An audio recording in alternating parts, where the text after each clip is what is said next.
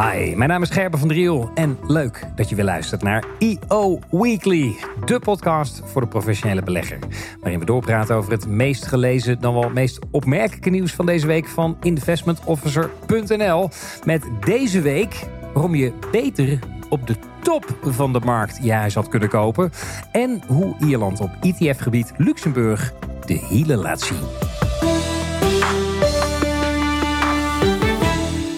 Maar eerst beginnen we ja, in beleggingsland. Er is uh, een trend richting standaardisatie de afgelopen jaren, zoals u waarschijnlijk weet. En Van Landschot Kempen gaat daar nu, ogenschijnlijk, lijnrecht tegenin met een nieuwe beleggingsoplossing. Daarover praat ik met Florentine Handlo, Head of Private Client Solutions. Florentine, goeiedag. Klopt het wat ik zeg? Gaan jullie inderdaad tegen die trend van standaardisering in met deze nieuwe oplossing? Dat klopt. Uh, met deze oplossing proberen wij uh, de vermogensbeheeroplossingen uh, geen standaard product te maken, maar juist weer persoonlijk en op maat voor, voor iedereen. Juist, en, en ja, voor de luisteraar die in het ondenkbare geval dat ze dit nog niet op investmentofficer.nl hebben gelezen, hoe, wat is die nieuwe oplossing? Ja, wat wij proberen te doen is dat wij, en dan wordt het misschien een klein beetje technisch, maar wij maken eigenlijk een onderscheid in het vermogen. En daarbij zeggen we, veel klanten hebben een primaire doelstelling. Die is ook voor iedereen anders. Dus dat kan bijvoorbeeld levensonderhoud zijn of eh, een specifiek doel voor de toekomst met betreft van de kinderen. Mhm. En eigenlijk het vermogen wat niet nodig is voor het realiseren van die doelen, dat noemen wij dan surplusvermogen. En dat zou kunnen klanten bij ons inzetten om uh, een persoonlijk accent aan te brengen in de vermogensoplossing. Uh, ja, dus een persoonlijk accent, uh, waar moet ik dan aan denken? Dat is eigenlijk heel breed. Uh, maar bijvoorbeeld moet je aan denken een hele specifieke interesse. Dat zien we heel veel op het gebied van duurzaam. Mm Dus dan zou de, zou de klant een extra stap bijvoorbeeld in, op het gebied van duurzaam kunnen zetten. Ja. Maar het kan ook heel erg rendementgedreven zijn. En daar, dat zien we ook heel veel terug. En andere ook waarschijnlijk. En dat is bijvoorbeeld de interesse in private equity. Dus dat is bijvoorbeeld een hele andere rendementsbron. Dus het is verschillend. Dus het kan een interesse zijn. Het kan een, ja, eigenlijk een... Uh, belief zijn in een, uh, een, bepaalde trend. Maar die is vrij verschillend. Juist, als ik het eh, goed lees, want je maakt dus onderscheid. Eerst ga je natuurlijk dus ben ik met een klant in gesprek van uh, wat is uw doel? Vervolgens bepaal je aan de hand daarvan wat is het, laten we zeggen, het basisvermogen. Waar moet je misschien wat conventionele mee beleggen? En heb je surplusvermogen, dan zou je dus naar die aparte categorieën kunnen gaan, zo begrijp ik het. En dan heb je het inderdaad over misschien een duurzaam accent of een private equity accent. het gaat dan ook nog over alternatieve vastrentende waarden. Ik lees het voor hoor. Private debt en distressed debt. Dus ook een beetje exotische beleggingscategorieën. Begrijp ik dat goed? Het zijn niet inderdaad de traditionele uh, categorieën. Dus het mhm. zijn echt categorieën die je inderdaad niet terugvindt in je zeg maar, uh, kernportefeuille. Dus niet de, aan, niet de liquide aandelen of obligaties. Mm Het is echt gezien ook als aanvulling op. Dus het moet echt uh, ook de beleggingsportefeuille verbeteren. Ja, en is het nou zo uh, dat jullie dit zijn gaan ontwikkelen in de categorie, nou ja, klanten vroegen erom, dus zijn we dit gaan maken? Of was het, joh, we verdienen geen pepernoot meer in die standaardbeleggingen, we moeten iets exotisch gaan ontwikkelen, zodat we weer een beetje marge kunnen maken? Hoe, uh, wat is het verhaal? nee, ja, dus ik, eh, ik snap jouw vraag. Uh, nee, dus het is wel echt gedreven door klanten. Uiteindelijk is het natuurlijk dat we relevant willen blijven voor klanten. Dus hmm. het zit er wel echt in dat, dat de vraag van klanten was dat we steeds verschillende vragen zagen van klanten. Ja. En dat we merkten dat we er niet met één standaard iets goed op konden inspelen. En zodoende eigenlijk dit hebben ontwikkeld. Juist. En uh, zeker als je private bank bent, dan wil je natuurlijk niet tegen je klanten hoeven zeggen: We hebben alleen een standaard oplossing voor u. Dan wil je wat bijzonders kunnen bieden. Dat heb je nu gemaakt, als ik het goed begrijp. Ik ben heel benieuwd wat je verwacht, wat dit gaat doen in die markt. Daar praat ik graag straks met je over door. Ja, aan marktontwikkelingen geen gebrek in uh, ja, Europa sowieso. Um, Luxemburg, Ierland, de kraker, waar we regelmatig over berichten. hebben we het niet over voetbal, want daar zou u niet voor thuis blijven. Maar op fondsengebied is Ierland, Luxemburg wel een tweestrijd die we continu in de gaten houden, waar van alles gebeurt. Uh, collega Ramon Frenke is uh, wederom in de data gedoken om eens op een rij te zetten hoe de marktpositie van beide fondshuizen, fondshuizen, wou ik zeggen, fondslanden is op het gebied van ETF's. En Ramon, wat is de stand van zaken? Wat komt eruit? Ja, nou inderdaad, uh, Gerben. Uh, Luxemburg en Ierland zijn natuurlijk de zwaargewichten op het gebied van grensoverschrijdende beleggingen in uh, Europa.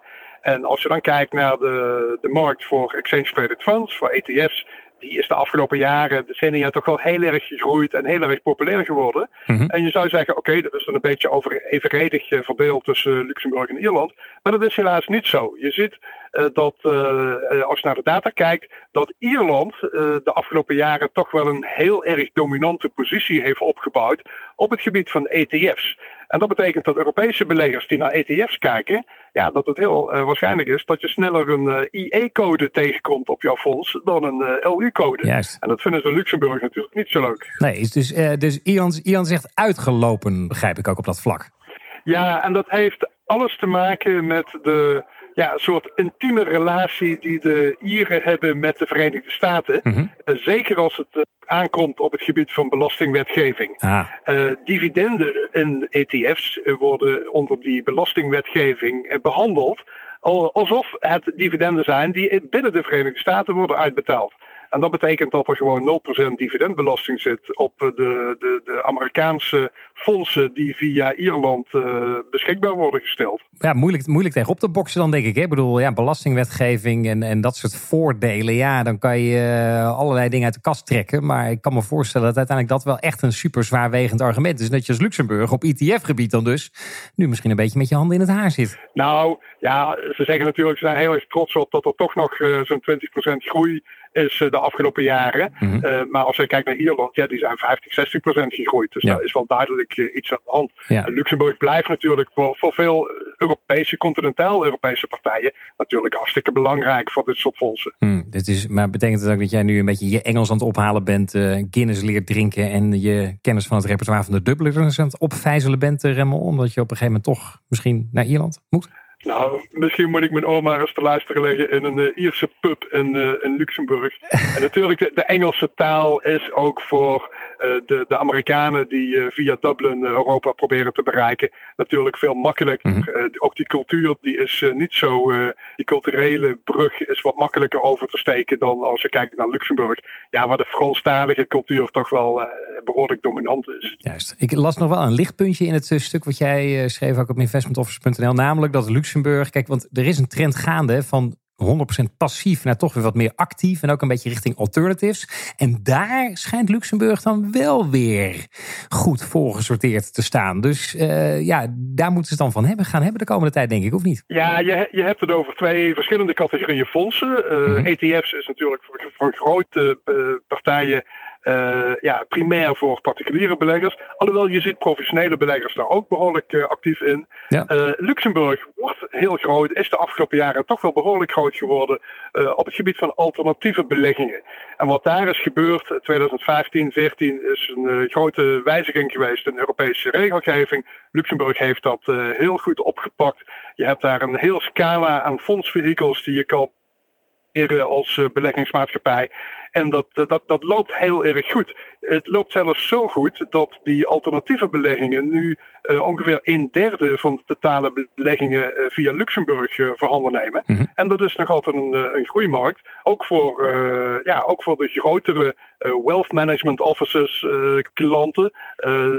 Je ziet wat meer, nog wat ruimere regelgeving komen uit Europa. Luxemburg pro- probeert er ook op in te spelen. Maar ook de grotere particuliere belegger in dat soort alternatieve fondsen kan gaan, eh, kan gaan beleggen. Juist. Ja, en daar, daar zijn natuurlijk heel veel eh, van de organisatie van de back-offices in Luxemburg op gericht. Op wat daar de komende jaren gaat gebeuren. Ja, nou ja, bijvoorbeeld ook eh, ja, de private banking klanten van Van Landschot Kempen, zo hebben we net begrepen. Dus we houden het in de gaten. Er gebeurt in ieder geval genoeg. Remmel Frenke, dankjewel.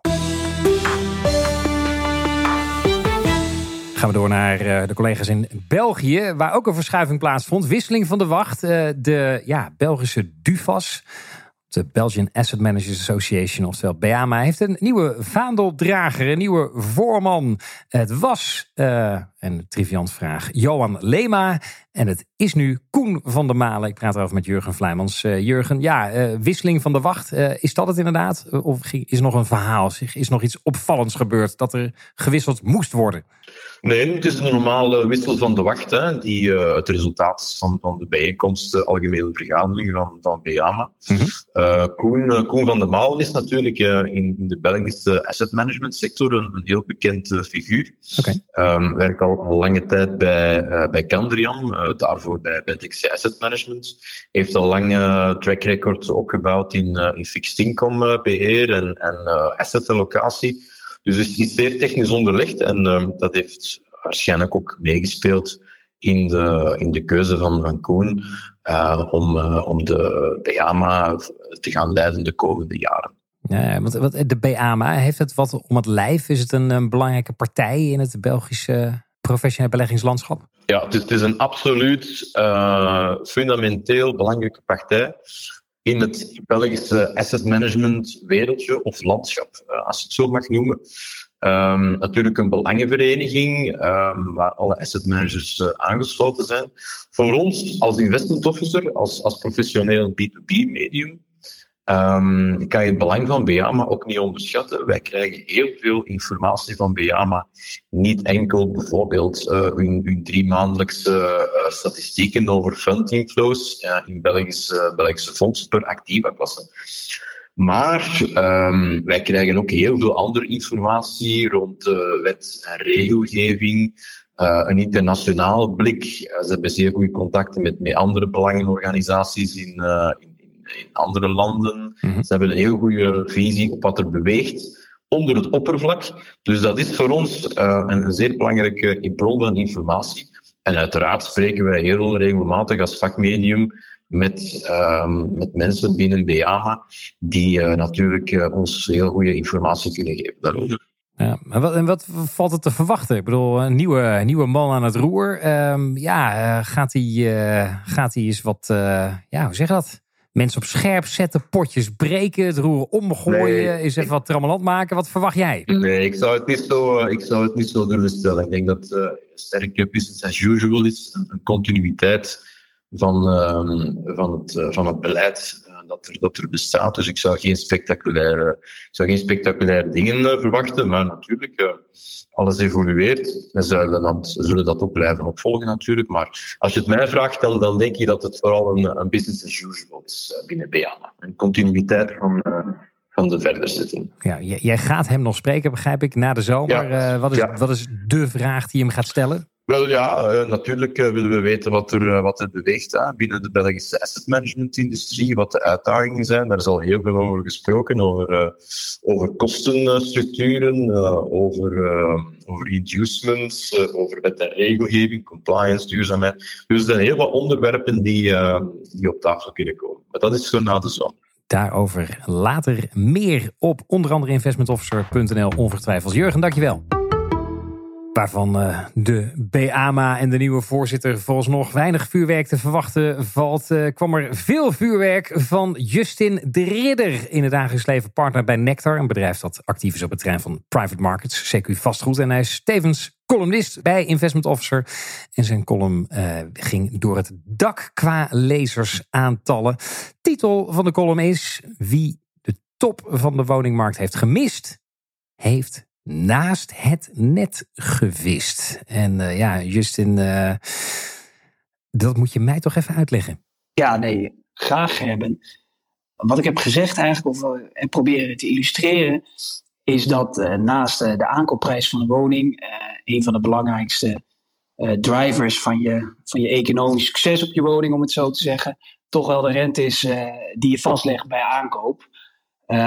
ja, en dat zijn communicerende vaten uh, voor, voor een deel. Hè. Dus de woningmarkt is in die zin, en met name in Nederland, uh, een wat vreemde eend in de bijt. Omdat als je het als belegging ziet, nou zou ik niet per se je eigen woning als belegging willen uh, aanmerken. Maar goed, het is een grote investering. en het is een van de weinige investeringen die specifiek nogmaals in Nederland met 100% schuld kunt doen. Ja, er is bijna geen enkele andere belegging die zo zwaar uh, zo'n zware hefboom kent. Mhm. Maar door die enorme schuldcomponent is het ook uh, enorm gevoelig voor de rente. Nou, hè, de luisteraars weten denk ik allemaal wat er met de rente is gebeurd. Die is fors omhoog gegaan de afgelopen uh, nou, 12, 18 maanden. Mhm. en dat, ja, logischerwijs zou dat dan wat doen met de woningprijzen.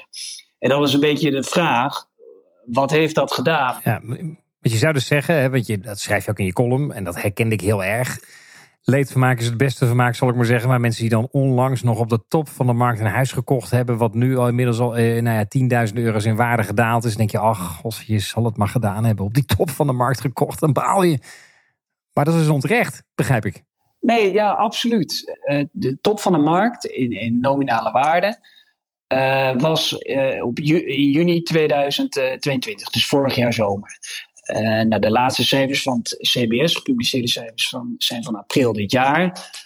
Uh, dus, dus uh, een kleine negen maanden overheen, om het zo te zeggen. En sindsdien is er 6,1% van de top af. Ja. ja, dat lijkt veel. En nou ja, ik heb in de column het voorbeeld van de, de NAG-grens genomen. Dat is 355.000 euro was dat in 2022. Mm -hmm. als je tegen die prijs in de top je woning had gekocht, dan zou je nu tegen een boekverlies van bijna 22.000 euro aankijken. Nou, dat is gewoon veel geld. Ja. Maar zet daar tegenover wat je aan rente bespaart. Eh, eh, ja, dan blijkt eigenlijk dat je veel beter toen had kunnen kopen. Ja. Uh, de, dus in, uh, in uh, zomer 2022 lag de, de 10-jarige hypotheekrente op 2,4 procent. Dat zijn cijfers van de Nederlandse bank. Mm -hmm. Dus je kijkt naar het gemiddelde van allerlei hypotheekaanbieders. en in april dit jaar lag die al op 3,9 procent. Dus dat is een verschil van anderhalf procent. Nou, daar heb je nog uh, je hypotheekrenteaftrek, die overigens fors is afgebouwd door de overheid. En die je dan uh, van je bruto inkomen kunt aftrekken. Dus dat heeft netto, uh, drukt dat iets op je rentelasten. Maar er blijft nog steeds een delta van 1,4% over. Ja. En ik denk, hè, 10 jaar vastleggen is in die zin nog conservatief. Sommige mensen leggen het ook 20 jaar vast. Dan is het effect nog veel groter. Maar stel je zo 10 jaar vast hebben gelegd, dan ja, betaal je gewoon fors meer aan rente. Uh, 34.000 euro meer. Kijk. Ja, en dat, dat, dat, moet je dan afzetten tegen die 21.000. En dan had je toch beter op de top je huis kunnen kopen. Precies, nou dus uh, voor iedereen die luistert en die tot nu toe rondliep met toch een beetje die nare nasmaak. Geen enkele reden toe, want cijfermatig uh, doet u het alsnog beter dan degene die nu toeslaat. Justin, dankjewel. We zien uit naar de volgende column. Eerder deze podcast sprak ik met Florentien Hanlo, Head of Private Client Solutions van Van Landschot Kempen, over de nieuwe beleggingsoplossing die ze daar hebben gelanceerd. Klanten kunnen nu, vanaf nu, ja, een eigen maatwerkaccent leggen. Naast hun standaard portefeuille een accent op bijvoorbeeld private equity of duurzame beleggingen of alternatieve vastrentende waarden. Allemaal ja, wat minder liquide, wat meer exotischere producten kunnen er gekozen worden. Uh, Florentien, uh, nu jullie dit ontwikkeld hebben, ja, wat hoop je dat dit gaat doen in de markt? Waarom we het hebben gedaan is dat klanten beleggen in hetgene waar zij zich, wat de, de beleggingen die bij hen passen. Mm-hmm. En met deze oplossing proberen we dat uh, eigenlijk goed te doen. Ja. Uh, dus dat klanten zich echt herkennen in, in hun eigen beleggingsportefeuille. Uh, en ik hoop ook dat dat steeds meer kan worden aangeboden. Ja, maar ik kan me ook voorstellen dat je gewoon stiekem hoopt. We hebben nu iets ontwikkeld wat bijzonder is. En wat maatwerk is. Dat we gewoon ABN AMRO Mees Pearson en Rabo Private Banking gewoon eens even een flinke slag uh, kunnen uitdelen. Uh, we hopen gewoon uh, een x miljoen te beleggen vermogen naar ons toe te halen hiermee. Uiteraard hebben we dit gedaan dat wij denken dat wij een, een propositie hebben waar klanten zich in herkennen. die beter is dan onze concurrenten. Mm-hmm. omdat wij er echt in geloven dat dat persoonlijke, dat wij ons daarmee kunnen onderscheiden. Ja. En dat is nu persoonlijk in beleggen. Dat is ook persoonlijk in contact, et cetera. Mm-hmm. Uh, dus uiteraard hopen wij dat, ja, dat dit be beter aansluit bij wat klanten willen. Zodat we een uh, propositie hebben die goed bij de klant past, maar dus ook waar wij ons kunnen onderscheiden. Ja, heb je een target in je achterhoofd? Iets waar je, nou, als we twee, drie jaar verder zijn, dan hoop ik toch dat we deze slag geslagen hebben hiermee. Ik heb geen exact concreet target in mijn hoofd, uh, om heel eerlijk te zijn. Mm-hmm. Maar ik denk dat het, het zit in twee dingen. Het zit natuurlijk in klanten die op dit moment al klant zijn bij Van Landschot Kempen. Uh, dat zij zich ook kunnen uh, blijven, uh, ja, kunnen herkennen in hun beleggingen en tevreden blijven. En het zit hem natuurlijk ook in nieuwe klanten. Ja. en die, voor beide is deze oplossing. Yes. En is het nou zo, want ja, hoe, hoe bepaal je nou, want je, dat wordt in het stuk ook geschreven, hè? We, we gaan met een klant in gesprek en dan bepalen we natuurlijk zijn beleggingsdoelstelling en wat dan uiteindelijk het surplus vermogen is. Of ja, een beetje oneerbiedig gezegd misschien het speelgeld. Maar ja, ik kan me ook voorstellen dat er misschien ook wel voor een, voor een adviseur een prikkel ontstaat om klanten toch wat meer richting die, illiquide beleggingen bijvoorbeeld te, te bewegen. Zal ik, begrijp je een beetje wat ik bedoel? Uh, hoe bewaak, hoe zorg je ervoor dat, het, dat je wel dit aanbod hebt en tegelijkertijd ja, niet klanten in beleggingen laat stappen waar ze eigenlijk misschien niet in zouden willen stappen? Ja, dat is een heel zorgvuldig proces. Omdat wij, het is niet dat wij belang hebben bij de weging tussen de kernvermogen en het surplusvermogen. Mm Ik denk juist door de, de aanpak die we nu hanteren en de, het, persoonlijk, het persoonlijke zit niet alleen in het accent, maar ook precies in die verhouding die jij uh, net aangeeft. Mm uh, omdat dat per klant echt kan verschillen. Dus als een klant heel veel vermogen heeft, uh, maar heel weinig primaire doelen, dan kan deze klant uh, heeft een veel groter surplusvermogen dan bijvoorbeeld een klant die heel veel doelen heeft en heel veel wensen. En die heeft een veel grotere kernportefeuille. Mhm. Dus ook die verhouding tussen die kern en surplus, die is volledig maatwerk. En ik hoor je ook zeggen, de, de, de, er zit geen prikkel in. Het maakt voor jullie niet uit of dat een klant uh, een groot kernvermogen heeft en, uh, en, een klein surplus of vice versa. Dat maakt voor jullie verdiencapaciteit, het businessmodel maakt dat niet uit. Nee, dat klopt. Juist, juist. En ja, ik moet zeggen, ik vind het persoonlijk goed klinken. Het is dat ik net mijn broekzak gecheckt heb en uh, tot de conclusie ben gekomen dat ik toch die, ja, ik haal de drempel gewoon niet bij Van Landschot Kempen, dus ik moet nog even door. Uh, uh, maar ja, het is ook zo. Kijk, nu staat het op Investment Officer. Het is de wijde wereld in. Is het dan makkelijk te kopiëren voor andere private banks. Want ja, weet je, die, die, die, die oplossing van een kernportefeuille en ook wat die accenten in, in exotische illiquide beleggingen, eh, dat is volgens mij wel een aantrekkelijke propositie. Ben je niet bang dat anderen dit gaan nadoen? Dat, dat is altijd de angst. Uh, maar ik denk wel dat als wij zien hoe goed, precies eigenlijk de vraag ook die je zojuist stelde over nou, meer de zorgplicht voor de klanten, dat ze niet worden gedwongen om bijvoorbeeld in private equity te kunnen beleggen. Uh, zonder dat ze dat nou, zich beseffen in wat voor categorie ze beleggen het zit helemaal, het is helemaal embedded, zeg maar, in alle systemen. Dus het, het juiste vaststellen van de, de verhouding tussen het kern- en het surplusvermogen. Uh, maar daarnaast ook, denk ik, wat wij als unieke propositie hebben, is dat wij alle kennis van de specifieke beleggingen in huis hebben. Mhm. Dus we hebben een private markets team. Dus we kunnen ook makkelijk schakelen om klanten deze oplossing ook daadwerkelijk aan te bieden. Juist. Ja, en dat is niet makkelijk te kopiëren voor een partij die dat niet al in huis heeft en in de systemen vastgelegd heeft, kan ik me voorstellen. Klopt, klopt. Florentien, ik wens je veel succes. Eh, Dank je wel dat je even bij ons wilde zijn en een toelichting wilde geven. Tot zover deze EO Weekly. Hou natuurlijk investmentofficer.nl in de gaten voor het allerlaatste nieuws. En dan spreken wij elkaar volgende week weer. Deze podcast is mede mogelijk gemaakt door State Street Spider ETF's, aanbieder van de meest liquide ETF ter wereld. Let op, beleggen is onderhevig aan risico's en kosten. In het verleden behaalde resultaten bieden geen garantie voor de toekomst. Lees altijd de essentiële beleggersinformatie. Ga voor meer informatie naar ssga.com forward slash ETF's.